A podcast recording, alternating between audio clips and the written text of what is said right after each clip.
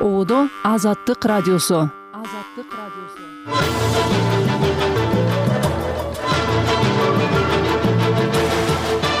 Саламатсызбы угарман. Азаттыктын таңкы берүүлөрүн баштайбыз. Микрофондо мен түмөнбай абдинабек уулу берүүнүн жүрүшүнөн кыскача бишкекте митинг акцияларды өткөрүүнү чектөөнүн мөөнөтү дагы узартылды. Митинг деген бул баары бир саясий процесстин бир жыйынтыгы да. Бул себеп эмес да.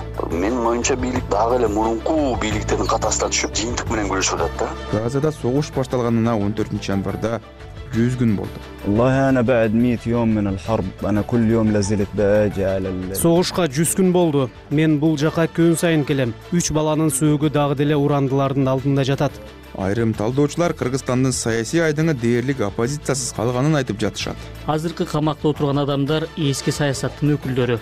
Алар аянтка элди көп чогултуп төңкөрүш кылууга же бийликти кандайдыр бир чечимге көндүрүүгө умтулушчу. Алдыда ушул жана башка темадагы баяндарды сунуштайбыз. Биздин топунда калыңыз. Алгач дүйнөдөгү жана кыргызстандагы соңку жаңылыктарды кесиптешим кубат касымбеков айтып берет рахмат саламатсыздарбы. Газада акш жана евро биримдик террордук уюм деп тааныган хамас радикал тобу менен израиль армиясынын ортосунда согуш башталганда жүз күндөн ашты.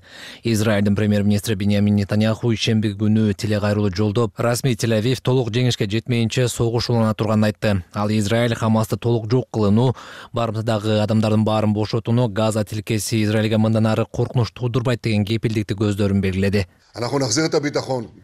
Биз коопсуздукту түштүктө да түндүктө да калыбына келтиребиз бизди эч ким токтото албайт деп айтты нетаньяху бириккен улуттар уюмунун палестин качкындары боюнча агенттигинин башчысы филиппе лазарини ишембиде газадагы сапары маалында тилкенин тургундарын ачарчылык тууруп турганын билдирди. Ал соңку жүз күн ичиндеги эбегейсиз кыйроо өлүм жер которуу ачкачылык жоготуу жана кайгы жалпы адамзаттын абийирине шек келтирип жатканын айтты. Хамас радикал тобу жетинчи октябрда израилге газа тараптан миңдеген ракета атып жөөт кыштактарына кол салган жана эки жүздөн ашуун кишини барымтага алып кеткен. Тель авив хамастын чабуулунан израиль тарапта бир миң бир жүздөн ашуун киши өлгөнүн маалымдаган. Израиль буга жооп катары газадагы аба чабуулдарын жана бомбалоолорун баштаган. Хамас башкарып келген газадагы саламаттык сактоо министрлигинин маалыматы боюнча жетинчи октябрдан бери тилкеде жыйырма үч миңден ашуун адам мерт болду. Алардын арасында миңдеген өспүрүмдөр бар.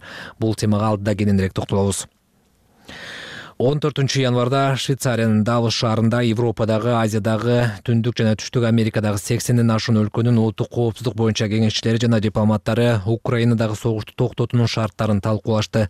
Бул украина сунуш кылган тынчтык формуласын талкуулаган төртүнчү эл аралык жыйын. Буга чейинки үч конференция сыяктуу эле жекшембидеги жыйынга орусия чакырылган жок. Талкууга украинаны колдогон батыш өлкөлөрү да орусиянын согушу боюнча бейтарап позицияны карманган мамлекеттер да катышты. Давоско киевден барган украинанын президентинин кеңсесинин башчысы андрей ермак конференцияда орусиянын соңку чабуулдары тууралуу маалымат бергенин украин бийлигинин ок атышууну токтотуу маселесине байланыштуу позициясын айтканын телеграмга жазды. Ок атышпоо тууралуу жөнөкөй келишим орусиянын украинадагы агрессиясын токтотпойт ал болгону агрессорго күчүн топтоо үчүн тыныгуу гана болуп берет. Бул тынчтыкка карай жол эмес орусиялыктар тынчтыкты каалашпайт алар үстөмдүктү көздөшөт деп билдирди ермак былтыр украинанын президенти владимир зеленский согушту токтотуу боюнча тынчтык формуласын сунуш кылган. Он пункттан турган бул документте орус күчтөрү украина аймагынан чыгышы керек экени жазылган. Буга чейин кремлдин басма сөз катчысы дмитрий песков москва катышпаган мындай сүйлөшүүлөр ийгиликтүү болбойт деп айткан жергиликтүү жаңылыктарга келсек бишкек милициясы шаардагы балдардын тез жардам ооруканасында эки жашар наристенин чарчап калышына байланыштуу иликтөө иштерин баштады. Бул маалыматты октябрь райондук милиция башкармалыгы ырастаганын жергиликтүү маалымат каражаттары жазышты. Чарчап калган наристенин атасынын эжеси гүлмира абакирова азаттыкка билдиргендей он үчүнчү январда баланын дене табы отуз сегиз градуска чейин жетип дем алуусу кыйындаганына байланыштуу ата энеси бейтапканага алып барган. Наристенин туугандары аталган оорукананын дарыгерлери жакшы көңүл бурбай койгонун айтып баланын өлүмүнө медицина кызматкерлеринин шалаакы мамилеси себеп болушу мүмкүндүгүн белгилеп жатышат. Азырынча оорукананын жетекчилигинен саламаттык сактоо министрлигинен комментарий алууга мүмкүн боло элек. Бул окуя кыргызстанда балдар жана чоңдор арасында жугуштуу вирустук оорулар сасык тумоо күч алган кезде болду. Декабрда бишкекте тишин дарылоо учурунда үч жаштагы алия кубанычбекова чарчап калган. Бул окуя коомчулукта дарыгерлердин милдеттерине байланыштуу талкууларга жем таштаган м банк электрондук капчык кызматы кардарлардын эсебиндеги акчанын дайынсыз болуп жатышын техникалык мүчүрүштүк деп атады. Мобилдик банкинг кызматынын инстаграмдагы жана фейсбуктагы баракчасына он төртүнчү январда жарыяланган маалыматта техникалык өнөктөшү карт стандарт pb ишканасында жаралган кыйынчылыктан улам эсептеги суммалар аз көрсөтүлүп жатканы айтылат. М банк бул абал оңдолорун баардык каражаттар калыбына келтирилерин белгилеп кардылардан кечирим сурады. Соңку күндөрү социалдык тармактардын колдонуучулары аталган электрондук капчыктагы акчасы күтүүсүздөн жоголуп жатканын айтып буга түшүндүрмө талап кылып жатышат. Нааразы болгондордун арасында он миң сомго чейин каражаты жоголгондор бар. Кыргызстандыктар эң көп колдоно баштаган м банк кыргызстан коммерциялык банкынын мобилдик капчык кызматы алматыда өткөн эл аралык э, жаутыков олимпиадасы менен катар уюштурулган импакт олимпиадасында кыргызстандык төрт мугалим байгелүү орундарды алды. Математика физика жана информатика мугалимдеринин жана машыктыруучуларынын мелдешинде кыргызстандыктар бир алтын эки күмүш жана беш коло медалга ээ болушту.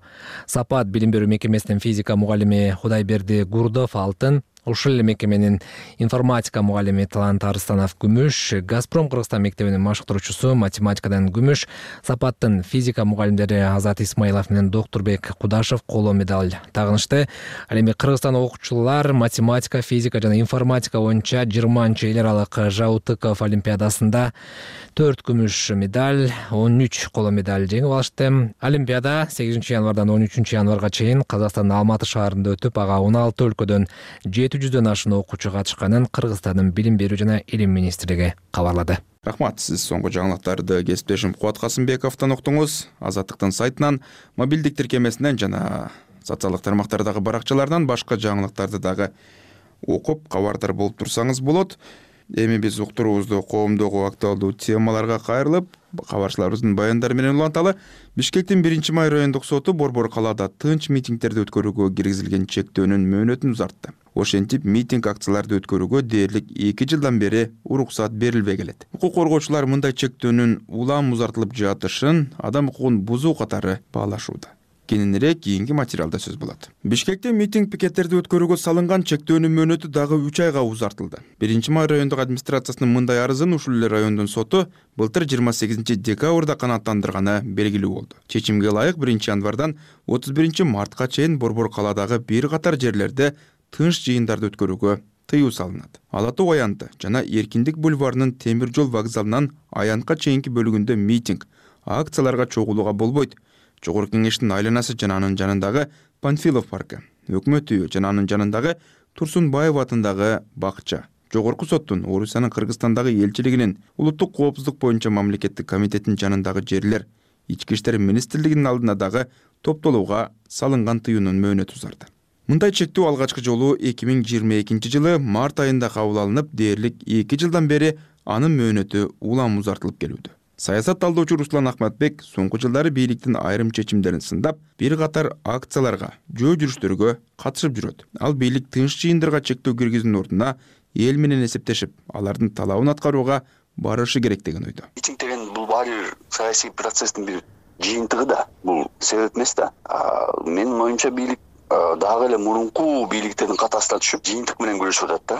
Ошого себеп болгон социалдык экономикалык саясий факторлорду жоюш керек да. Ошондо митинг өзүнөн өзү тыйылып калат. Бийлик мындан коркпош керек. Тескерисинче тынчсыздана турган нерсе эл эмнеге чыгып атат. Эмнеге митинг болуп атат деп себеп сурап ошого жараша баягы өзүнүн саясатын же болбосо кадамдарын өзгөртүш керек да. Адатта бишкек шаарында жарандар акцияларды митингдерди ала тоо аянтында ак үйдүн же өкмөт үйүнүн астында өткөрүп келишкен. Мындан тышкары нааразылык кайсы мекемеге же министрликке тиешелүү болсо жарандар ошол имараттын астына чогулуп талаптарын койгон учурлар болгон. Соңку жылдары борбор калаадагы эркиндик бульвары аркылуу бир катар жөө жүрүштөр өттү. Эки жыл мурун март айында райондук бийлик бул жерлерде тынч жыйындарды өткөрүүгө тыюу салып эми мындай пикет митингдерди горький гүл багында гана өткөрүүгө уруксат экенин айткан администрация мындай чечимин шаардын тургундарына жана туристтерге ыңгайлуу шарт түзүү аракети менен байланыштырат.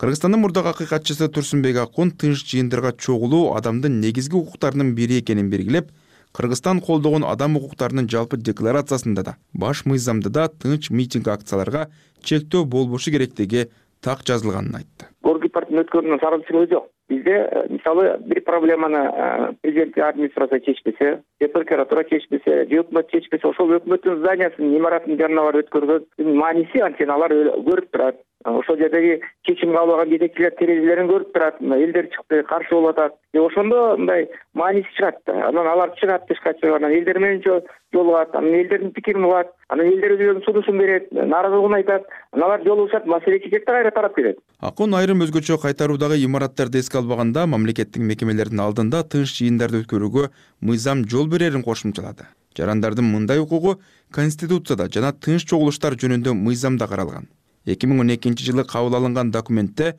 тынч чогулуштардын жол жобосу так көрсөтүлгөн. Кандай учурда чектесе тыюу салса күч колдонсо болору да жазылган.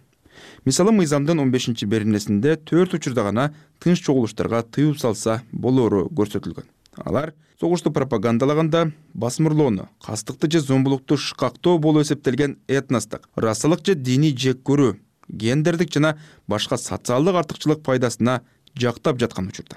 Улуттук коопсуздукту коомдук тартипти башка адамдардын укуктарын жана эркиндиктерин бузууга чакырганда. Төртүнчүсү тынч чогулушту үзгүлтүккө учуратуу максатында башка каршы чогулуш өткөргөндө. Борбор калаадагы тынч жыйындар шаардын башка тургундарынын тынчын алып жатканын айтып мындай чектөөлөрдү тартипти көзөмөлдөө катары кабыл алгандар да бар. Жогорку кеңештин депутаты алишер козыев буларды айтты. Эми албетте биз эми мыйзамдуу мамлекетте жашагандан кийин тартип керек. Албетте баардыгы ар бир адамдын укугу корголуш керек но анын ичинде деле мисалы эми митинг өткөргөндө бир нече адамдар же бир жүздөгөн адамдар болсо эми бул шаарда миллиондогон адамдар жашайт да эми жалпычы эми алардын деле тартиби алардын деле коопсуздугун ойлоо максатында азыркы бийликтин жасап аткан кыймылы го деп билем да. Былтыр бишкектен тышкары ош облусунун ноокат чоң алай өзгөн райондорунда да тынч жыйындарга чогулууга убактылуу чектөө киргизилген. Муну облус милициясы коомдук тартипти көзөмөлдөө чарасы катары баалаган. Кийин бул чектөөлөрдүн алынып алынбаганы тууралуу маалымат берилген эмес. Кыргызстанда тынч акция митингдерди өткөрүүгө салган тыюу эл аралык human rights watch укук коргоо уюмунун дүйнөдөгү эки миң жыйырма үчүнчү жылдагы адам укуктарынын абалы боюнча баяндамасында да белгиленген. Анда эки миң жыйырма экинчи жылдан бери мөөнөтү узартылып келе жаткан чектөө жарандардын тынч жыйындарга чогулуу укугун бузуп жатканы айтылган. Баяндамада мындан тышкары кыргызстандагы сөз эркиндигине басым күчөгөнү белгиленип мисал катары жалпыга маалымдоо каражаттары жөнүндө мыйзам долбоорунда журналисттердин ишин чектей турган нормалар бар экени азаттык клубко байланыштуу сот иштерин мисал келтирген. Кыргыз бийлиги өлкөдө сөз эркиндиги бар экенин белгилеп жарандарды тартипти сактоого үндөгөн билдирүүлөрүн кайталап келет. Түмөнбай абдинаби уулу азаттык бишкек. Ыкчам жана так маалымат сиздин алаканыңызда. Жаңылыктар макалалар интервью жана блогдор видео аудио жана сүрөт баяндар азаттык чекит орг сайтында. Азаттык элдин жана эркиндиктин үнү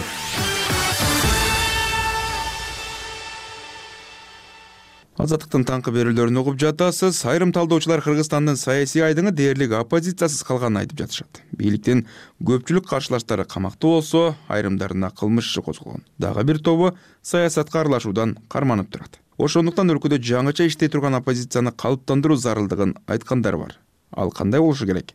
Кабарчыбыз максат кутманбековдун баяндамасы парламентская системная оппозиция. Она недееспособна. Президент укуктук тобунун жетекчиси юрист нурбек токтокунов ушундай эле аталыштагы жаңы саясий мектепти негиздөөгө ниеттенип жатканын айтууда анын айтымында жаңы оппозиция жаңы форматта иштеп эл арасында агартуу иштерин жүргүзүш керек.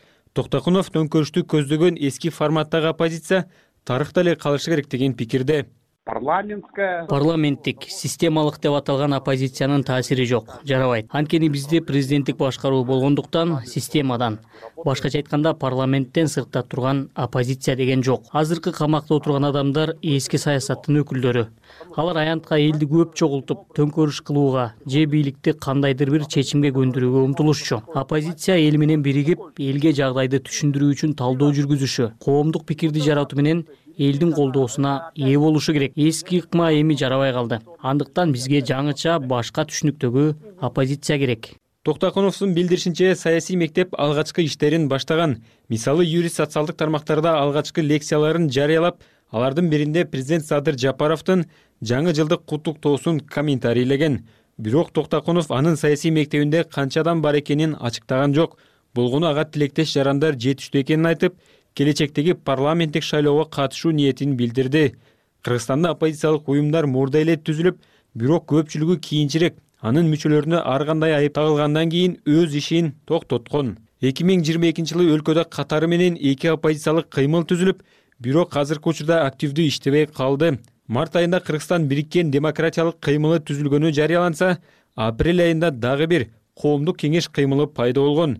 Демократиялык кыймылдын көпчүлүк мүчөлөрү кемпирабад ишине байланыштуу кармалган. Алардын бири клара сооронкулованын айтымында кыймыл жоюлуп кеткен жок бирок кылмыш иштерине байланыштуу кандайдыр бир ишмердигин да жүргүзө албай турат. Один из признаков демократии демократиялык мамлекеттин милдеттүү белгилеринин бири бул активдүү оппозициянын болуусу. Кыргызстанда мындай кыймыл жок азыр. Албетте оппозицияга каршы баардык режимдер күрөшүп келген. Бирок аны түп тамырынан жок кылып кандайдыр бир кыймыл түзүүгө да мүмкүнчүлүк бербей. Эң эле чакан саамалыктарды да чектеп өтө аша чаап жатат. Бүгүнкү күндө оппозициянын болушуна мүмкүндүк беришпейт. Биз демократиялык баалуулуктарды карманган адамдарды топтогон элек.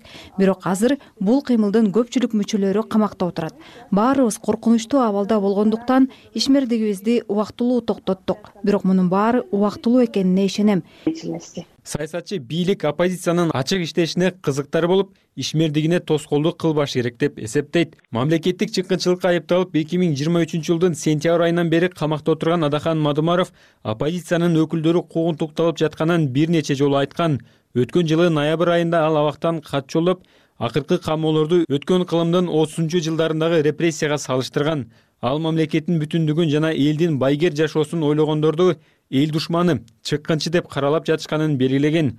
Учурда мадумаров жана бүтүн кыргызстан партиясынын бир нече мүчөсү камакта же кылмыш иши козголгон. Саясаттануучу бакыт бакетаев өлкөдө оппозиция бар бирок ал башка нукта кыйла ыраттуу мазмундуу иш жүргүзүшү керек деп эсептейт. Анын айтымында учурда бийликти сындаган үчүн эле өзүн оппозициячыл деп ойлогондор көп. Оппозиция сөзсүз керек бирок ал иштиктүү болушу шарт. Мисалы азыр бизде президенттик башкаруу болгондуктан эгер кимдир бирөө парламенттик башкарууну жактап чыкса анда аны саясий оппозиция деп айтсак болот. Эгер бир адам президенттин кайсы бир тууганы тууралуу маалыматты топтоп алып ал кайсы бир жакта иштеп жатканын же тендер утуп алганын айтып чыкса ал оппозиционер эмес.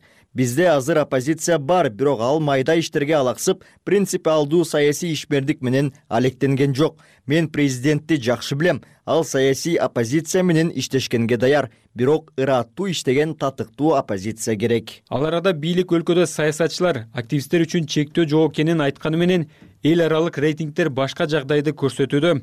Өткөн жылы март айында эл аралык фредом хаус уюму дүйнөдөгү эркиндик эки миң жыйырма үч аттуу жаңы баяндамасында кыргызстанды үчүнчү жыл катары менен эркин эмес өлкөлөрдүн катарына кошкон. Уюм өлкөдө саясий укуктар чектелип маалымат каражаттары кысымга алынып жатканын белгилеген максат кутманбеков азаттык бишкек. Эми уктуруубузду эл аралык темалар менен уланталы газада согуш башталганына он төртүнчү январда жүз күн болду. Израилдин премьер министри беньямин нетаньяху акш жана евро биримдик террордук уюм деп тааныган хамас тобу жок кылынмайынча газадагы согуш улана турганын ишарат кылды. Эл аралык уюмдар газадагы оор гуманитардык кырдаалдан улам ок атышууну токтотууга утур утур үндөп келишет. Толугураак кубат касымбеков айтып берет.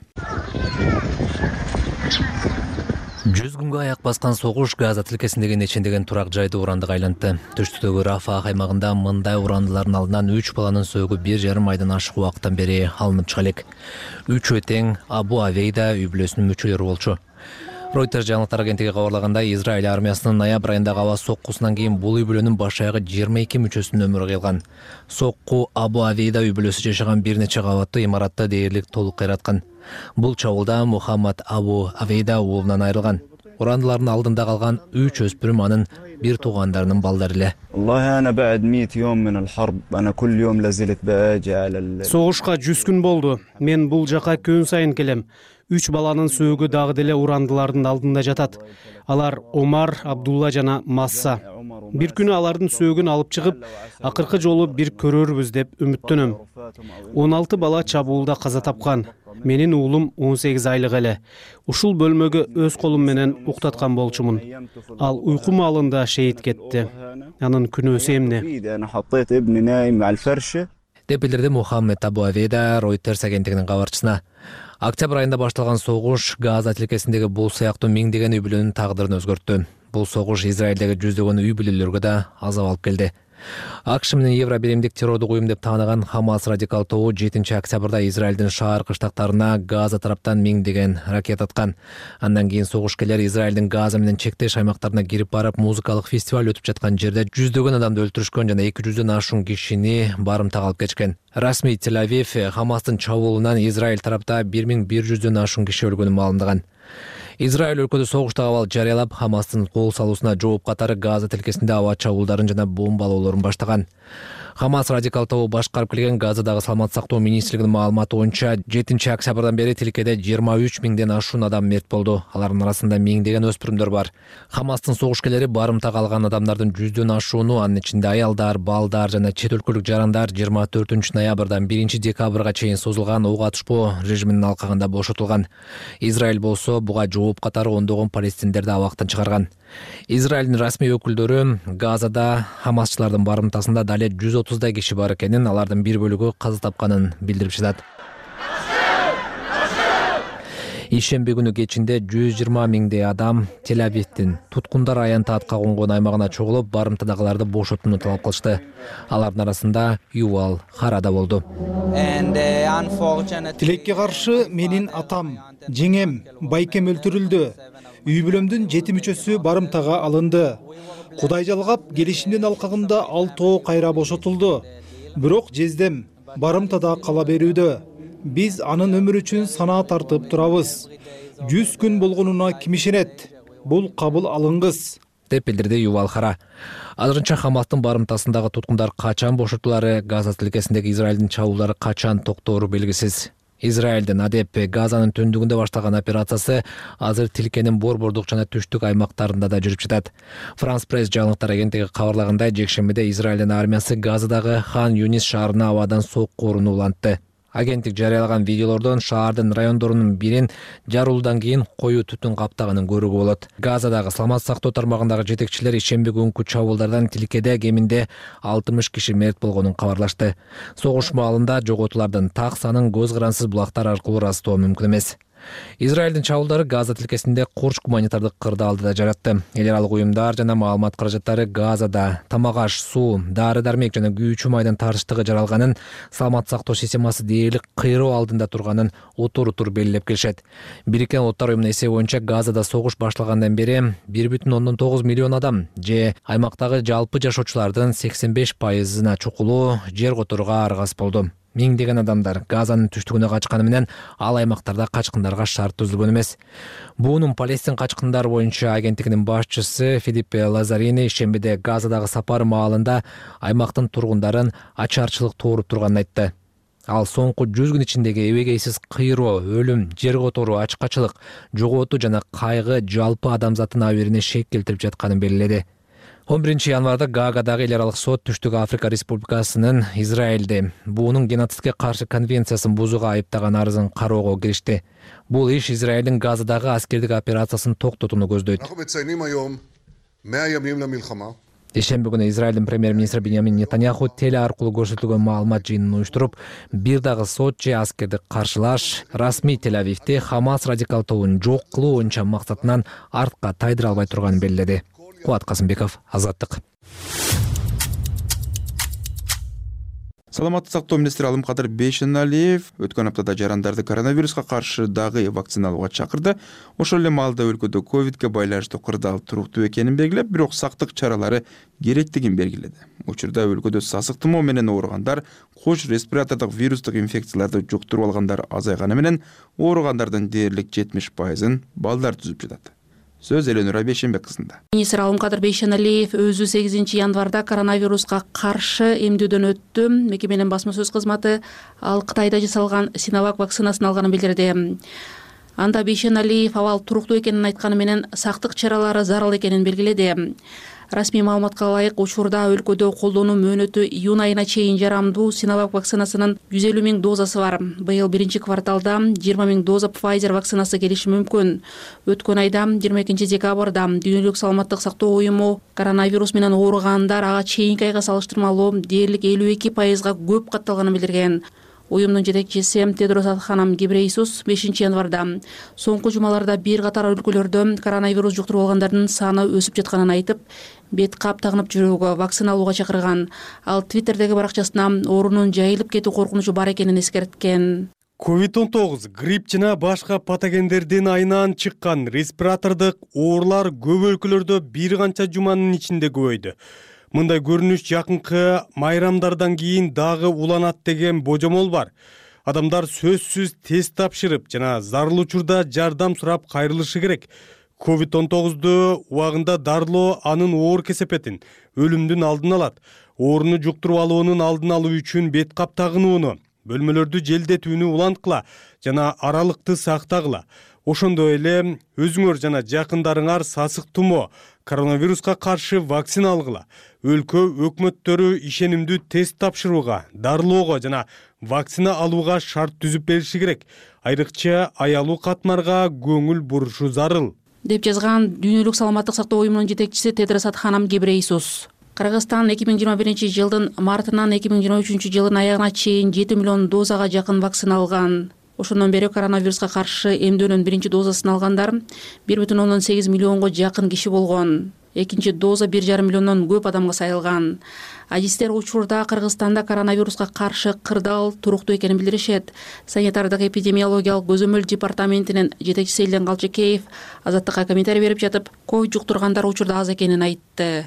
Бизде коронавирус регистрация аябай эле аз болуп атат. Бир эле случай болгон. Бул жумада ошто анан кийин декабрда тоже аябай эле аз үч төрт беш э, случайлар регистрация катталган. За весь год төрт жүз эле э, случай болду былтыр жыйырма үчүндө. Вакциналар бар ар бир медицинский учрежденияда өтсө болот ал вакцинадан. Баягыдай эле бекер эч кандай коркунуч жок. Элден калчыкеевдин маалымдашынча учурда сасык тумоо болуп ооруп жаткандардын басымдуу бөлүгүн балдар түзөт. Аталган мекеме мектептерде кышкы каникула аяктагандан кийинки кырдаалга дагы байкоо салмакчы. Бизде просто орви болуп атат да көбүнчөсү. Грипп болуп атат да биринчиден декабрда көтөрүлүп аткан ушул заболеваемость. Анан э, биз ошону күткөнбүз да что вот азыр каникулга кетебиз сегиз күн эс албадыкпы? Анан деген көчө биз уже текшерип койсок төмөндөп кетип атат да ушул заболеваемость орви биринчи күнү вот келаткан жумада уже биз дагы бир байкап көрөлү эле ошондо уже более точный статистика болот өткөн айда отуз биринчи декабрда коронавируска каршы вакцина жеткирүүнүн ковакс эл аралык программасы соңуна чыккан. Дүйнөлүк саламаттык сактоо уюмунун маалымдашынча бул системанын негизинде дүйнөнүн жүз кырк алты өлкөсүнө эки миллиард дозага чейин вакцина жеткирилген. Кыргызстанда эки миң жыйырманчы жылдын март айынан бери коронавирус эки жүз алты миңден ашык адамдан расмий аныкталып үч миңден көп киши каза тапкан. Элеонора бейшенбек кызы азаттык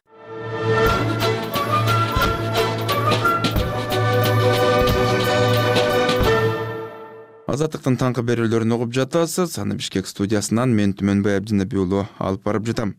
Кыргыз тажик жазуучусу котормочу жана публицист мирзахалим каримов бир нече дарт менен алышып шарты жок темир павильондо жашап жатканы тууралуу буга чейин уктурууларыбызда сөз кылганбыз. Ошондон кийин жазуучуга жардам көрсөткөндөр болгон. Бирок учурда жазуучунун абалы андан да оорлошуп кеткени маалым болду. Калемгер учурда жардамга муктаж болуп турат.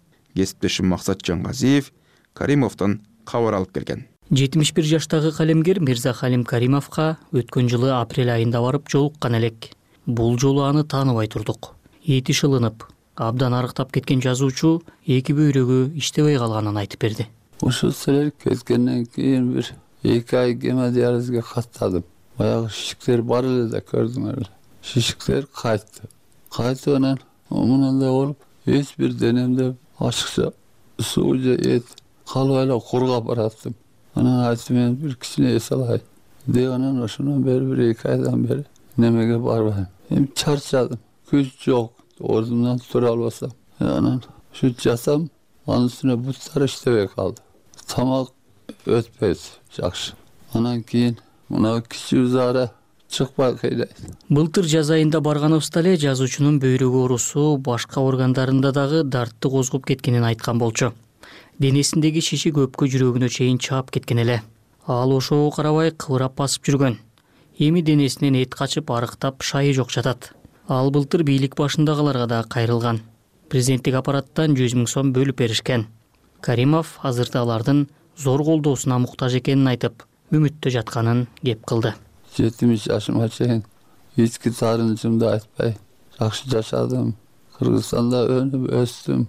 Анан айттым ушу камчыбек кыдыршаевич ташиев менен садыр жапаров экөөнө бир кат жазып ага да буга да жөнөттүм. Жеткирсем «Э, камчыбек кыдыршаевич айтыптыр кыйын болгон турбайбы муну мен өзүмчө карайм катты. Ушу жума ичи убактыны белгилегиле мени чакырып сүйлөшөйүн жардам кылалы деп ошол ойдон ушу күнгө чейин күтөм. Мирзахалим каримовдун атасы тажик улутунан болсо энеси кыргыз кызы тажикстандын жергетал районунда туулуп өскөн жазуучу жетимишинчи жылдардын аягында кыргызстанга көчүп келип жашап калган. Анын кыргыз тилинде жазган мажүрүм тал кыя жолдор зындан кыз күйүтү баштаган жыйырмадай көркөм адабий китептери жарык көргөн. Мындан сырткары тажикстандын кара тегин өрөөнүндө жашаган кыргыздардын салт санаасы маданияты этнографиясы камтылган жер жылдызы жерге тал кара тегин кара тегин кыргыздары аталышындагы китептери чыккан айрым тажик жазуучуларынын чыгармаларын кыргыз тилине которгон. Өмүрүнүн жалындуу жылдарын кыргыз тажик элдеринин маданий байланышына арнаган каримов жалпылап айтканда эки элдин орток жазуучусу катары тааныла алган. Эми минтип дарттын айына жаны сыздап жаткан жазуучунун айтымында дарыгерлер анын бир бөйрөгүн алмаштыруу керек экенин айтып жатышат. Алар операцияга он миң доллар каражат талап кылынарын билдирген буга чейин жазуучунун соңку үч жылдан бери кант шаарынын четинде жайгашкан бодрайс дачасындагы шарты жок темир павильондо жашап жүргөнү маалым болгон кыш ызгаарына туруштук бере албаган темир павильон анын ден соолугуна олуттуу зыян келтирген. Эки айдан бери төшөк тартып жатып калган жазуучу учурда токмок шаарынын четиндеги оз строитель дачасындагы туугандарынын үйүндө. Э. кайрылуубузду четке какпай сиздин кадыр баркыңызды билген кишилер бар экен анан кийин интернеттен акча чогултуп болду рахмат. Анан кийин ошо карапайым элдин чогулткан акчасы ошо токсон жети миң сегиз жүз сом ушунун бир дары дармегиңизге анан больницага бир э, эме кылсаңыз анан дагы кудай буюрса могу кайрылуудан кийин дагы балким ойлойбуз сиздин чоң жанагы операция масштабдуу нерсеңизге дагы жардам бергендер болот го деген ниеттебиз да буюрса. Жазуучунун кейиштүү абалы тууралуу кечээ оз строитель дачасынын башчысы акын мирлан алтымыш уулу фейсбукка жарыялап элден жардам сураган. Эки күндүн ичинде кайдыгер карабаган адамдар жүз миң сомго чукул каражат топтоп беришти. Мирлан эми мамлекет жетекчилери калемгерди камкордукка алып жардам колун сунушса дейт. Адабиятка салым кошкон инсан. Э, ушул кишинин ушундай абалда калганы бизди өкүндүрөт. Бул кишинин тилегин үмүтүн билип атам. Мамлекеттик көзөмөлгө өтүп э, мамлекет тарабынан жардам алып мындай чоң больницалардан бир неме дарыланса операция кылынса деп атат да. Ал эми азыркы чогулткан биздин каражат бул э, карапайым элдин каражаты ошолорго рахмат. Эми бул кишинин тилеги аткарылып жогору жактагылар бир кулак түрүп укса көңүл буруп койсо бир көз кырын салып эле койсо деген тилегибиз да ушул кишигечи калемгер мирзахалим каримовдун жубайы асель кенжебаева да жардам колун сунган элге ыраазычылыгын билдирип алдыда дагы алгылыктуу колдоолордун себебинен жолдошу ушул сыноодон аман эсен чыгып кетсе экен деген тилекте турат күндөн күнгө эле абалы начарлап кетип атат азыр диализге да жарабай калдык. Жакшы болуп кетсе деп тилеп атабыз. Силерге балдар рахмат. Эми кудай кааласа чоң немелерге көрсөтүп айыктырышка аракет кылабыз. Айланайын кыргыз элим. Ушул дагы бөйрөгүн алмаштырыш керек.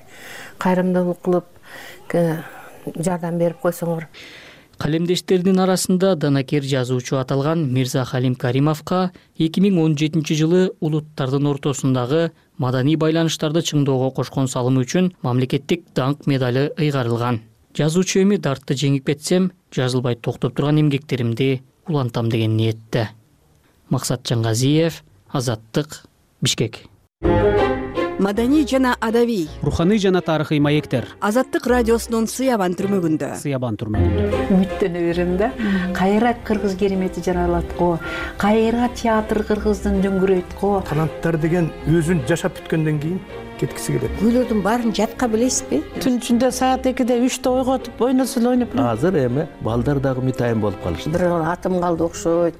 Канчалык өткөн күндөрүң түндөрүң бар сахнаң бар дегендей казак актер достор келгенде үйгө чакыра албайм да ошол аябай уят да мага алар жакшы турушат да. Мен мурда ойлочу элем там он сегиз жыл же жыйырма жыл жазгандар болот да операсынчы кантип эле ушу чыгарманы ушунча жыл кармап жаза берет депчи өнөрү жана таланты менен элге таанылган инсандар коомдук ишмерлер менен сыябанда баарлашабыз. Сыябанда баарлашабыз.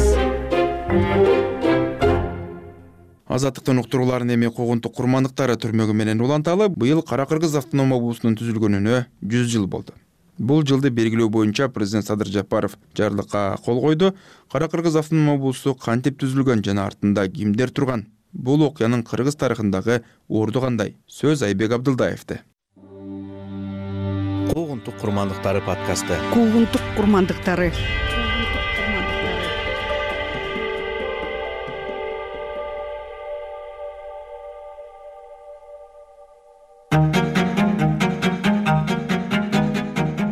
кыргыз автоном облусунун негизделгенине жүз жыл. Жыйырманчы кылымдагы кыргыз мамлекеттүүлүгүн калыбына келтирүү үчүн кыл чайнашкан күрөш. Жамандап булардын тезиси мындай. Байым кнаптардын тукуму чогулуп алып сепаратизм кылып өз алдынча түрк республикасын түзгөн атат деп тияка айтышкан кара кыргыз тоолуу автоном облусу кантип түзүлгөн? Бир миң тогуз жүз жыйырма төртүнчү жылы январь айында бүткүл түркстандык советтердин он экинчи съези болгон ушул он экинчи съезге катышкан биздин кыргыз делегаттары докладдык кат жазышкан борбордук аткаруу комитетинечи бул бул катта ушул кыргыз элинин байыркы эл экендиги.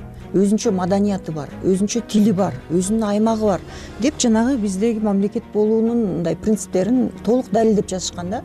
Республика түзүү идеясынын артында кимдер турган мына ошондой ишин арыбаевди баштагандар кара кыргыз алданбайт деп чусуп абдрахманов мына түркстанский ведомостский эсикке жазыптыр бүт ошол э, кайсы территориядан бери кандай кылып кошулуш керектигин баарын жазган. Куугунтук курмандыктары подкастында тарых илимдеринин кандидаты аида кубатова коомдук ишмер тарыхчы алмаз кулматов жана тарых илимдеринин кандидаты жумагул байдилдиев менен мына ушул суроолорду талкуулайбыз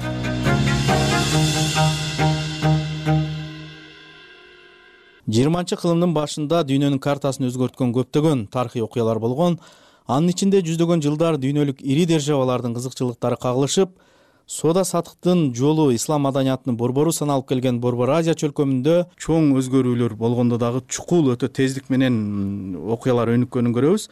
Э, айрым тарыхчылар ошол орус империясы кулагандан кийин эле февраль революциясынан кийин түркстан аймагында өз алдынча мамлекет болуу идеясы жанданганын жазышат да ошол учурдагы ошол кырдаалды кандай мүнөздөйсүздөр? Ушундан баштайлы. Айрым тарыхчылар айрым изилдөөчүлөр айтат бул февраль революциясынын кыргызстанга анчалык деле таасири тийген эмес депчи бирок чындыгында андай эмес. Себеби февраль революциясы негизи баягы дүйнөнү бир чоң өзгөрүүгө алып келген чоң революция болгон. Ошол мезгилде билесиздер э, падышалык бийлик кулап буржуазиялык демократиялык түзүлүшкө жол ачылган мезгил болчу да. Таасири тийгени абдан чоң таасири тийген баарына эле белгилүү.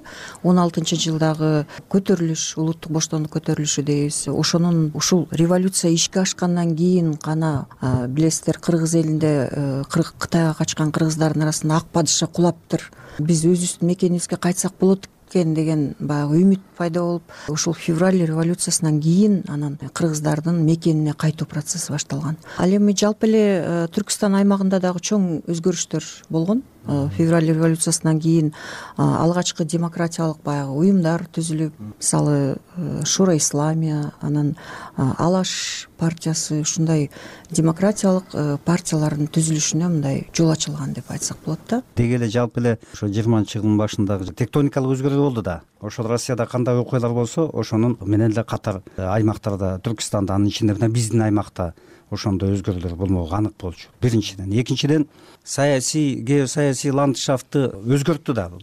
Анткени э, жаңы мамлекеттер да пайда болуп калды. Ойдо жок мамлекеттер да пайда болду. Муну так айтышыбыз керек. Экинчи жагы тескери тенденциясы да болгон. Э, мына менин тарыхчы коллегаларым калп айтып мамлекет болууга жарактуу өз алдынча мамлекет болууга укуктуу этностордун мамлекети түзүлбөй калды. Эмгиче келатышат да мисалы эле ошол э, айрым ири мамлекеттердин курамында калып калып келатышат да. Он алтынчы жылкы үркүндөн кийин кыргыздар кытайдан кайтып келгенден кийин өз алдынча э, ушул эл болууну өз алдынча мамлекет болууну көздөгөндөг билинип турат. Бирок ошол он жетинчи жылдын февраль революциясынан кийин кыргыз интеллигенциясы өзүнчө калыптанып мына абдыкерим сыдыков эшенали арабаевдер белек солтоноевдор биринчи бул алаш э, ордо мамлекети болгон алаш. Мына ошонун кыргыз филиалын ачышып өз алдынча мамлекеттүүлүктү көздөшкөн. Баш аты мамлекеттүүлүктүн ошо февраль революциясынан кийинки деп айтсак туура болот. Сиз он алтынчы жылды эскерип атпайсызбы азыр он алтынчы жылы феодалдык мамлекет хандыкты түзүү идеясынан республиканы түзүү идеясына өсүп жетишти деп жазуучу жана тарыхчы арслан капай уулу жазат да бир эмгегинде. Мындай идеянын өтө тездик менен өрчүгөнүнө эмне себеп? Ушуну сурагым келип атат да. Жалпы э, совет өлкөсүндөгү кыймылдар менен катар эле мындай бакталашып өз алдынча мындай түндүк көтөрүүгө жетишүүнүн э, арты эмнеден улам келип чыккан? Айбек жакшы бул аябай мындай маанилүү маселе да. Анткени биз көпчүлүк учурда ушунчалык бир көнгөнбүз э, кыргыздын элитасы же кыргыздын интеллигенциясы бул совет бийлигинин советтик саясаттын продуктусу деп ушунчалык биз ушул мезгилге чейин эле айтып келе жатабыз. Бул э, өтө мындай туура эмес пикир да. Анткени э, кыргыз элитасы бул өзү башынан эле болгон кыргыздардын дайыма алдыга кыргыз калкын алдыга алып жүргөн э, манаптарды билебиз манапчылык институтун билебиз. Кыргыз элитасы демек бул байыртадан калыптанып келе жаткан нерсе да. Анан жыйырманчы кылымдагы кадимки мындай европалык типтеги интеллигенция катмары дагы пайда болгон да. Буну эмне менен далилдейбиз? Анткени ошол мезгилде э, агартуучулук кыймылы жалпы эле ушу россия империясындагы мусулман калкынын арасына тараган э, интеллигенция кыймыл агартуучулук кыймылы болгон бул жадичилик кыймылы. Э, ошол мезгилде бул маселе бүгүнкү күндө аябай мындай чоң мааниге ээ болуп көтөрүлүп жатат. Анткени ошол агартуучулар биринчилерден болуп ошол мезгилде жыйырманчы кылымдын башында ушу мамлекеттүүлүк идеялары улуттук иденттүүлүк бүгүнкү күндө дагы өтө актуалдуу болгон маселелерди көтөрүп чыгышкан да анан алардан биздин кыргыз э, интеллигенциясы дагы артта калган эмес. Ошолор менен катар э, тең тайлашып өздөрүнүн биримдүүлүгүн көрсөтүп өздөрүнүн жана идеяларын алып чыгышкан да ошон үчүн биз бүгүнкү күндө ушул мамлекеттүүлүк э, идеялары мамлекеттүүлүктү түптөө идеялары ушул жыйырманчы кылымдын башында башталган деп айтсак болот. Анан мен эмне менен далилдемекчимин? Анткени эгерде совет бийлиги учурунда гана интеллигенция түптөлүп эгерде ушундай маселе көтөрүп чыга турган болсо бул өтө кеч калмакпыз кыргыз эличи ошого чейин жыйырманчы кылымдын башында эле ушу э, жыйырма төртүнчү жылга чейин эле бизде калыптанып калган интеллигенция өкүлдөрү жана жумагул э, санап кетпеди ушул интеллигенция өкүлдөрү ушул бышып жетилгендиги. Жадид мектебинен өткөн жадидчиликтин э, таасиринин аркасында болуп атат да анан алар башында баягы түрк элдеринин биримдиги деп чыгышса андан кийин жана мамлекеттүүлүк түзүлүп ар бир эл өзүнчө болуп баштаганда булар дагы ошолордон кем идеялар менен чыгып атат да. Жана айткандай совет бийлиги орногондон эле э, интеллигенция калыптанып калган болсо он жетинчи жылдан жыйырма төртүнчү жылга чейин бир беш алты жыл эле убакыт аралыгында мынчалык адамдын аң сезими жогорулап кетиши мүмкүн эмес болчу да. Ошондуктан булар ушул күрөшкө даяр болуп калышкан. Ошондуктан анан кийин жанагындай мамлекеттүүлүк идеялар менен чыгышып анан э, башка улуттардын катарында өздөрүнүн мындай алдыңкы мындай позициясын көрсөтүшүп өздөрүнүн ушу ошолордун күрөшү аркасында гана биз бүгүнкү күндөгү мамлекетке ээ болуп отурабыз да. Айданы кичине толуктап коеюнчу э биринчиден э, биз э, дини дидр айткандай аныктамаларды макулдашып алалы биз кыргыз мамлекети кыргыз мамлекетинин тарыхы жөнүндө кеп кылганда биз кеп кылышыбыз керек. Кыргыз мамлекетинин жаңы доордогу жаңы форматтагы калыбына келиши деп деген аныктаманы колдонгонубуз. Туура мен сайгүлүк интеллектуалмын мен сайгүлүкмүн э, доктормун дегендер жокко чыгара албайт. Аны жокко чыгарыш үчүн анда биз байыркы кыргыз тарыхын жокко чыгарышыбыз керек. Жыйырманчы кылымдан башташыбыз керек болот да. Ооба мен ошол сиз айткан аныктама менен баштадым программаны. Калыбына келтирүү деп. Ооба. Экинчиден э, анда баарын жокко чыгарганда дагы улуу кыргыз каганатын каяка кетиребиз? Ооба. Ал каганат аталгандын өзү ал э, макулбуз сиз менен макулбуз. Эми ошо калыбына келтирүү үчүн күрөш кое туруңуз эми экинчи тезиске келейин айдан толуктап коеюн деп элим да. Биз мамлекеттүүлүк идеясы дагы жыйырманчы кылымда пайда болгонбуз.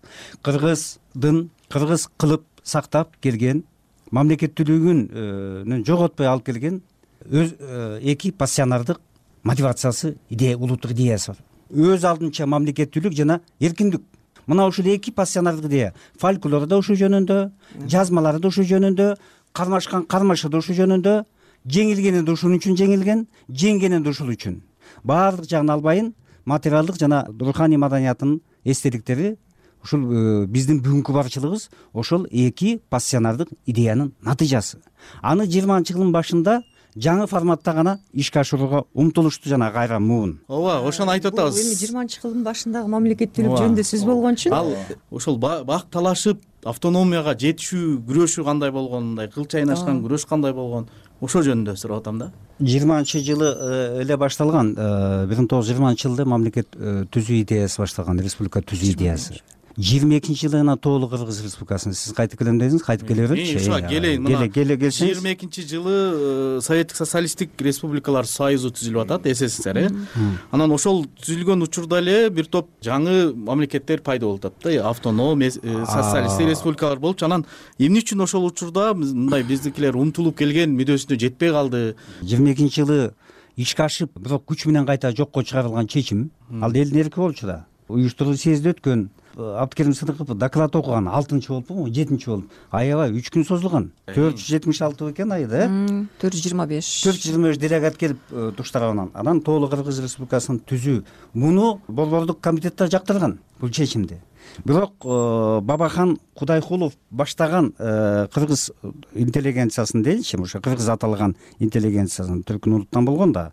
Анан ошолордун кутуму менен анан телеграмма урушуп мушташ чыгып анан бул съездди таратышып анан чечим жокко чыгарып салышкан кийин. Ал курултай съезд каерде болуп атат деле? Бул бишкек бишпекте болуп атат бишпекте болуп атат. Бишпекте болгон анын баарын катышуучулардын аты жөнү баары тең так. Убактысына чейин күн тартиби ким болуп сүйлөгөн абдыкерим эки жолу чыгып сүйлөйүн деп аны жана ызы чуу көпчүлүк делегаттар түшүнбөйт. Жанагындай кудайкуловго окшогондордун партиясы партиясы деп коелучу эми тобу ошонун каршылыгы анан жанагындай кутум уюштуруп жамандап булардын бай манаптардын тезиси мындай. Бай манаптардын тукуму чогулуп алып сепаратизм кылып пан түркүстүк идеяны дагы көтөрүп өз алдынча түрк республикасын түзгөн атат деп тияка айтышкан. Кудайкулов даттанып атабы ошентип кудайкуловдордун партиясы кат жазып арыз бүгүнкү тил менен айтканда арыз жазып атат да. Деги эле москва дейиличи э, советтер союзунун борбору деле ушул жанагы кыргыздардын өз алдынчалыгында мындай чочулоо менен карашкан.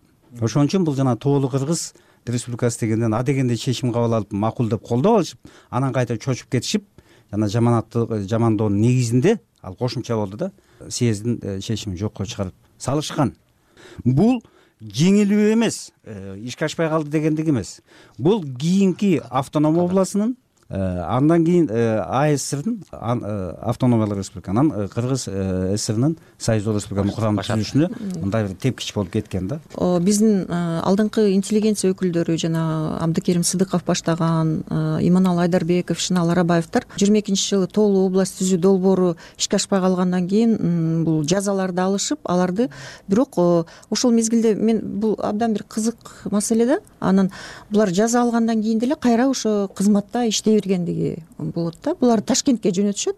Ташкентте билесиздер э, он сегизинчи жылы түркстан асср түзүлүп калган. Ошол жерде борбордук аткаруу комитетинде дагы кызматтарын улантышат. Аларды ушул жака жөнөтүп жиберет э, бул маселени булар далай жолу талкуулашса керек. Анан кийин ушу жыйырма төртүнчү жылы кайрадан бул маселеге кайрылып башташат да. Ошондо бир миң тогуз жүз жыйырма төртүнчү жылы январь айында түркстан бүткүл түркстандык советтердин он экинчи съезди болгон. Ушул он экинчи съездге катышкан биздин кыргыз делегаттары көп адамдар катышкан. Жана биз айткан адамдардан тышкары дагы региондордон катышкан мисалы ботбаев дегендер чоң башев чоң башев чукин деген ар бир э, областтардан катышкан. Анан ошолор чогулуп туруп докладдык кат жазышкан борбордук аткаруу комитетинечи бул мен ойлойм бүгүнкү күндө бул докладдык каттын мааниси абдан жогору да себеби бул катта ушул кыргыз элинин байыркы эл экендиги. Өзүнчө маданияты бар өзүнчө тили бар өзүнүн аймагы бар. Деп жанагы биздеги мамлекет болуунун мындай принциптерин толук далилдеп жазышкан да анан айтышкан эгерде ушул э, кыргыздарга көңүл бөлбөсөңүздөр анда э, ушул борбордук азия чөлкөмүндө бир маданияты чоң тарыхы бар бир элдин жоголуп кетүү коркунучу турат деп жазышкан да. Анан кийин э, буга дагы реакция болгон болуш керек. Мындан көп убабай эле алтынчы июнда бир миң тогуз жүз жыйырма төртүнчү жылы жусуп абдрахманов дагы сталинге э, жазган каты бул жакында эле белгилүү болду. Бул каттын мазмуну деле ушул катка окшош. Демек булар э, мисалы жанагы абдыкерим сыдыков иманалы айдарбеков шынал арабаевдер улуу муун катары эсептешкен. Улуу муун дегенде ушундай элүүгө чыга элек эле адамдар. Алардын жазган каты ошо тиги жусуп абдрахмановдун өзүнүн жазганына дагы мааниси окшош да. Окшош анан эмнеси менен айырмаланат ал деле ушинтип жазган. Биз өзүнчө бир э, улут катары таанылышыбыз керек көңүл бурушуңузду өтүнөм деп сталинге жазат дагы анан бир аргументти кошот да. Эгерде кыргыздардын өзүнчө мамлекетин түзсөңөр анда биз мындай чек арадагы э, кытай менен чек ара э, чектешкенде биз өзүнчө бир мамлекет катары ушу чек арада турабыз деген бир аргументин келтирген да. Мунун биз катты окуган учурда эмне үчүн жусуп абдрахмановдун атынан кетип атат анткени абдыкерим сыдыков дагы ишеналы арабаев дагы айдарбековдор булар сөгүш алган адамдар да. Ошондуктан бир жаңы бир лицону алып чыгыш керек болчу да. Демек баары макулдашылган нерсе катары көрүнүп турат да. Анан жусуп абдрахманов дагы кайрылган ошолордун арты менен жана жыйырма төртүнчү жылы он төртүнчү октябрда ушу бир чоң бир мамлекеттүүлүк түптөлүп жатат да кара кыргыз автономиялык облусу. Ошого чейин дагы бир жыйын болгон. Бул э, жыйын өткөн мезгилде март айында өткөн жыйырма төртүнчү жылы түркстан борбордук аткаруу комитетинде өткөн. Бул аябай чоң талаш тартыш жыйын болгон да. Ал жерде жана рахимбаев хаджанов деген асфендияров деген түркстан борбордук аткаруу комитетиндеги эң бир мындай чоң фигуралар да саясий саясатчылар.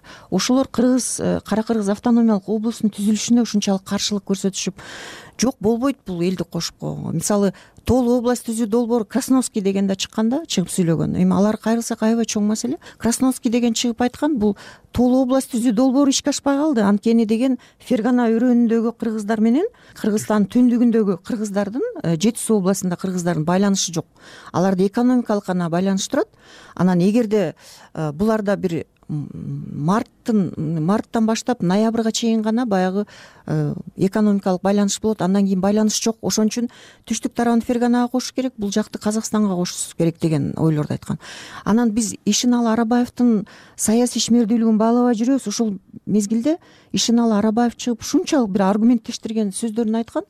Биз кыргыз кыргыздар өзүнүн маданияты бар өзүнүн тарыхы бар. Биз өз алдынча болууга толук мындай мүмкүнчүлүгүбүз бар деп он эки адам чыгып сүйлөптүр ошонун ичинен бир ишеналы арабаев ушундай аргументтештирген өзүнүн пикирин билдирген да. Бул кыргыз эли үчүн өтө чоң мааниге. Бул жыйынчы андан кийин бул маселе каралып каралып келип анан кийин он төртүнчү октябрда бир миң тогуз жүз жыйырма төртүнчү жылы кара кыргыз автономиялык облусунун түзүлүшүнө мына ушул интеллигенция өкүлдөрүнүн биргелешкен аракети деп айтсак болот да ошонун аркасында жетишкен анан жанагы э, жумагул айткан макалаларды жазышкан да укмуштай макалалар. Э, ишеналы арабаев биздин кыргыздар кандай орун алат деген ошол мезгилде ак жол э, гезити чыгып турган ошол жака макала жарыялаган. Бул айтат кыргыздардын тарыхы эки миң жылдан ашык тарыхы бар. Ушундай өзүнүн бийик маданияты бар элбиз анан биз кандайча ушундай кошулуп калышыбыз керек деген маселелерди көтөрүп чыгышкан да. Ушундай макалалар биринин артынан бири жарыяланып анан кийин буларды албетте реакция болгон. Ошон үчүн мындай мамлекеттүүлүккө ээ болдук деп айтсак болот да. Советтер союзу ыдыраганына отуз жылдан ашуун убакыт өтсө дагы айрым анын мурастары азыркыга чейин мындай кедергисин тийгизип келатат бул чек ара маселеси ошол элечи анан ошол жыйырма төртүнчү жылы өз алдынча автоном облус түзүп атканыбызда чек аралар кантип аныкталган кимдер турган башында? Кандай болду эле ушул боюнча иликтөөлөрүңүз барбы бар бул өзүнчө комиссия түзүлгөн ушу түркстан борбордук аткаруу комитетинде. Анан баардык баягы өкүлдөр ар бир э, улуттун өкүлдөрү менен кошо эле биздин кыргызстандан дагы ушул жусуп абдрахманов янгулатов анан зульфибаев деген үчөө үчөө. комиссия кошулган. Булар аябай чоң иштерди жүргүзүшкөн ушул э, чек араларды аныктоо боюнчачы. Анан эми чек араларды аныктоо боюнча баягы бизде официалдуу эле мындай маалыматтар бар да кандайча түзүлүп калды. Бул тууралуу дагы архивдик маалыматтар жетишсиз деп ойлойм. Мамлекеттик архивде бул жыйырма төртүнчү жылдан кийинки гана документтер көбүнчөчү ошон үчүн биз ошого чейинки кандай күрөштөр болгон эмне болгон ким кандай сүйлөгөн ошол тууралуу документтерге ээ эмеспиз. Ошон үчүн буларды бир мамлекет тарабынан колдоого алынып анан ушул документтер жана алмаз айткандай ошо бир топтомун чыгарсак дагы көп нерселер чыкмак да. Туура кара кыргыз автономия областы түзүлүп аткан жыйырма төртүнчү жылы орто азияны аймактык административдик бөлүштүрүү болгон мына ушунда деген аябай талкуу жүргөн. Талкуу жүргөндө түркстанский ведомость деген орусча чыккан газета болгон ташкентте ар бир санына аймактык бөлүштүрүү боюнча сүрөттөрү менен анан колдорун коюп өзүлөрүнүн ойлорун айткан. Ар кимиси өзүлөрүнүн оюн айтты. Ал жерде мына өзбеги да жүрөт тажиги да жүрөт казагы дагы кыргызы мына ошонун ичинен жусуп абдрахмановдун макаласын мен таап алдым. Эки жыл мурда ташкенттин улуттук китепканасынан. Анда э, жусуп абдрахмановдун эч жери жок сүрөтү өзүнүн колу коюлган өзү кандай кылып кыргызстандын аймагы кандай болуш керек жазылганы бар. Ошол кезде ар бир өз ойлорун айтканы бар. Жана ходжаевда бар баардыгы бүт жазышкан. Ченебеге материал турат. Бул ошол копияларды алып келип чыгарсак бул дагы бизге аябай чоң маанилүү булак болуп эсептелет да э, айдеже айткандай ташкенттин архивинде эми ченебеге материал турат. Аны алсак ошол кездеги борборубуз ташкент болуп турган тиги түркүстан ассрнин анын баары азыр өзбекстандын архивинде турат. Борбор шаардын аныкталышы дагы угармандарга кызык да. Борбор шаар тандоодо бир мындай талкуулар болду беле сунуштар болду беле депчи. Ошол боюнча эмне тарыхый маалыматтар бар? Маселен эми э, тоолуу кыргыз э, республикасын түзөбүз дегенде анда борбор кочкор деп алышкан да географиялык жактан э, негизи борбор болуп атат да географиялык жактан. Анан экинчиден тоолуу кыргыз. Экинчиден түрк каганаттарынын борбору деген маалыматты алар билишкен да окушкан. Анан ал эми кайта жыйырма төртүнчү жыл ал эми биякта бийлик органдары ушу бишбекте болуп ошол эле. Туура эле айтты ошо бишбек бул бишбек уездинин борбору болду мурдатан уездик борбор болуп келген. Экинчиден жанагыл жети суунага жакын болдук. Анан ошол кезде калкынын саны жагынан чоң өнүккөн борбор болуп калган. Анан административдик мындай зданиялар дагы курулуп мындай башкаруу бийликтери бүт ушул бишбекке топтолгон анан негизгиси ошол эле анан мындай талаш тартыш ооба борборду жарылабад кылабыз деп да чыгышкан болгон ал дагы сөз анан эң негизгиси ошо бишбекти э, тандап алышкан мына соңку жылдары ошол тарыхый окуяларга бааны советтик тарыхнамадан чыгып мындай жаңы архивдер менен толуктоого аракет болуп келатат да. Анан бирок көпчүлүк замандаштарыбыз ушул академиялык оор тил менен жазылган илимий макалаларды түшүнүү кыйын. Жок кур дегенде ушул жыйырманчы кылымдын башындагы ушул жыйырманчы кылымдагы тарыхый окуяларды мындай ыраттуу баяндап берген эмгек жок деп айтып калышат да. Жана сиздер арман кылган суроого эми келели да. Мына жүз жылдыктын шылтоосу менен тарыхчылар эмнени кылып алыш керек? Алматынын архивинде казылбаган кен жатат ташкенттин архивинде дагы казылбаган кен жатат. Ушул өзүбүздүн архивге кирип кыйратып карай албайт экенбиз мына отурганга мойнубуз жарбайт анткени архивди караш деген бул алтын кашыш менен карабайт да көп убакыт керек. Ошон үчүн муну деген мамлекет тарабынан чоң колдоо берип ар бир мына мамлекеттүүлүктүн ар бир инсан боюнча бирден китеп чыгарып койсок болот. Албетте. Ар бир тарыхчы мына бирден экиден инсандын эле ысымдарын атап жүрө бербей ыраттуу масштабтуу хронологиясын түзүп автоном облус кантип түзүлгөнүн кантип ишке ашканын жазып койгонго мындай өзүнчө бир эмгек кылып чыгарганга эмне тоскоолдук бар? Туура туура.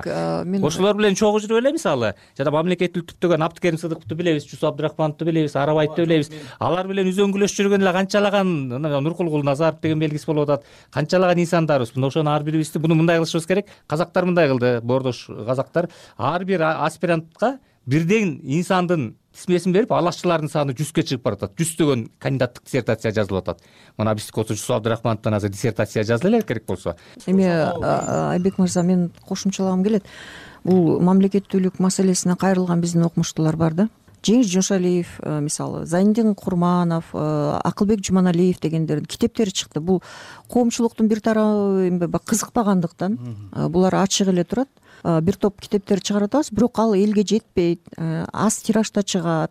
Анан баягы кызыккан гана адамдар э, алып калышат да. Анан мен ойлойм муну э, силерге окшогон массалык маалымат каражаттары көбүрөөк мындай мамлекеттүүлүк жөнүндө маселелерди көтөрүп анан ушул эмгектерден жок дегенде үзүндүлөрдү Э, элге жеткирип туруу керек деген ойдомун. азыр эми жанагы эл э, интернетке болуп калбадыбы? Интернетке болуп калды. Эл деген э, ошол медиа мейкиндиктен интернет мейкиндиктен социалдык тармактан окуп калды. Анан ошолордуко контентти биз жүктөшүбүз керек да түзүп алып. Жөнөкөй жалпак түшүнүктүү тилде биз жетимиш жыл бою ушулар жөнүндө окуган жокпуз. Бүгүнкү күндө мындай бир эл суусап калды да ушулардын э, ишмердүүлүгүн ачып көрсөтүү биздин бүгүнкү күндөгү милдетибиз деп ойлойм. Совет бийлигин биз мактап көнгөнбүз аябай биз э, сонун системада жашадык деп. Ооба жакшы жагы да бар. Бул бирок э, болот турган процесс эле да. Анан ошону менен катар алардын кемчиликтерин дагы көрсөтүшүбүз керек да.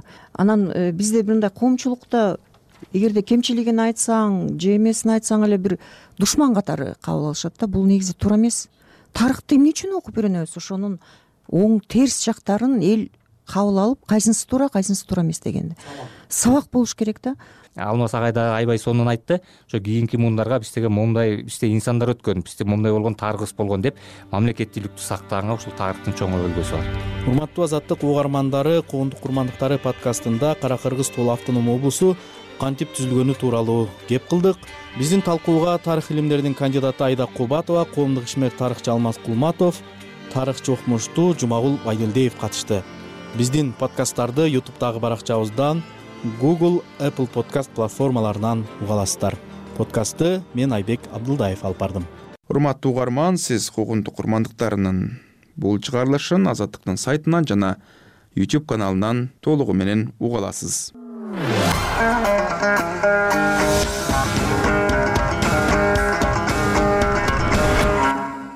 урматтуу угарман ушуну менен азаттыктын дүйшөмбүдөгү таңкы берүүлөрүн жыйынтыктайбыз. Эфирден кеткен баяндардын макаласын сайтыбыздан дагы окуп алсаңыз болот.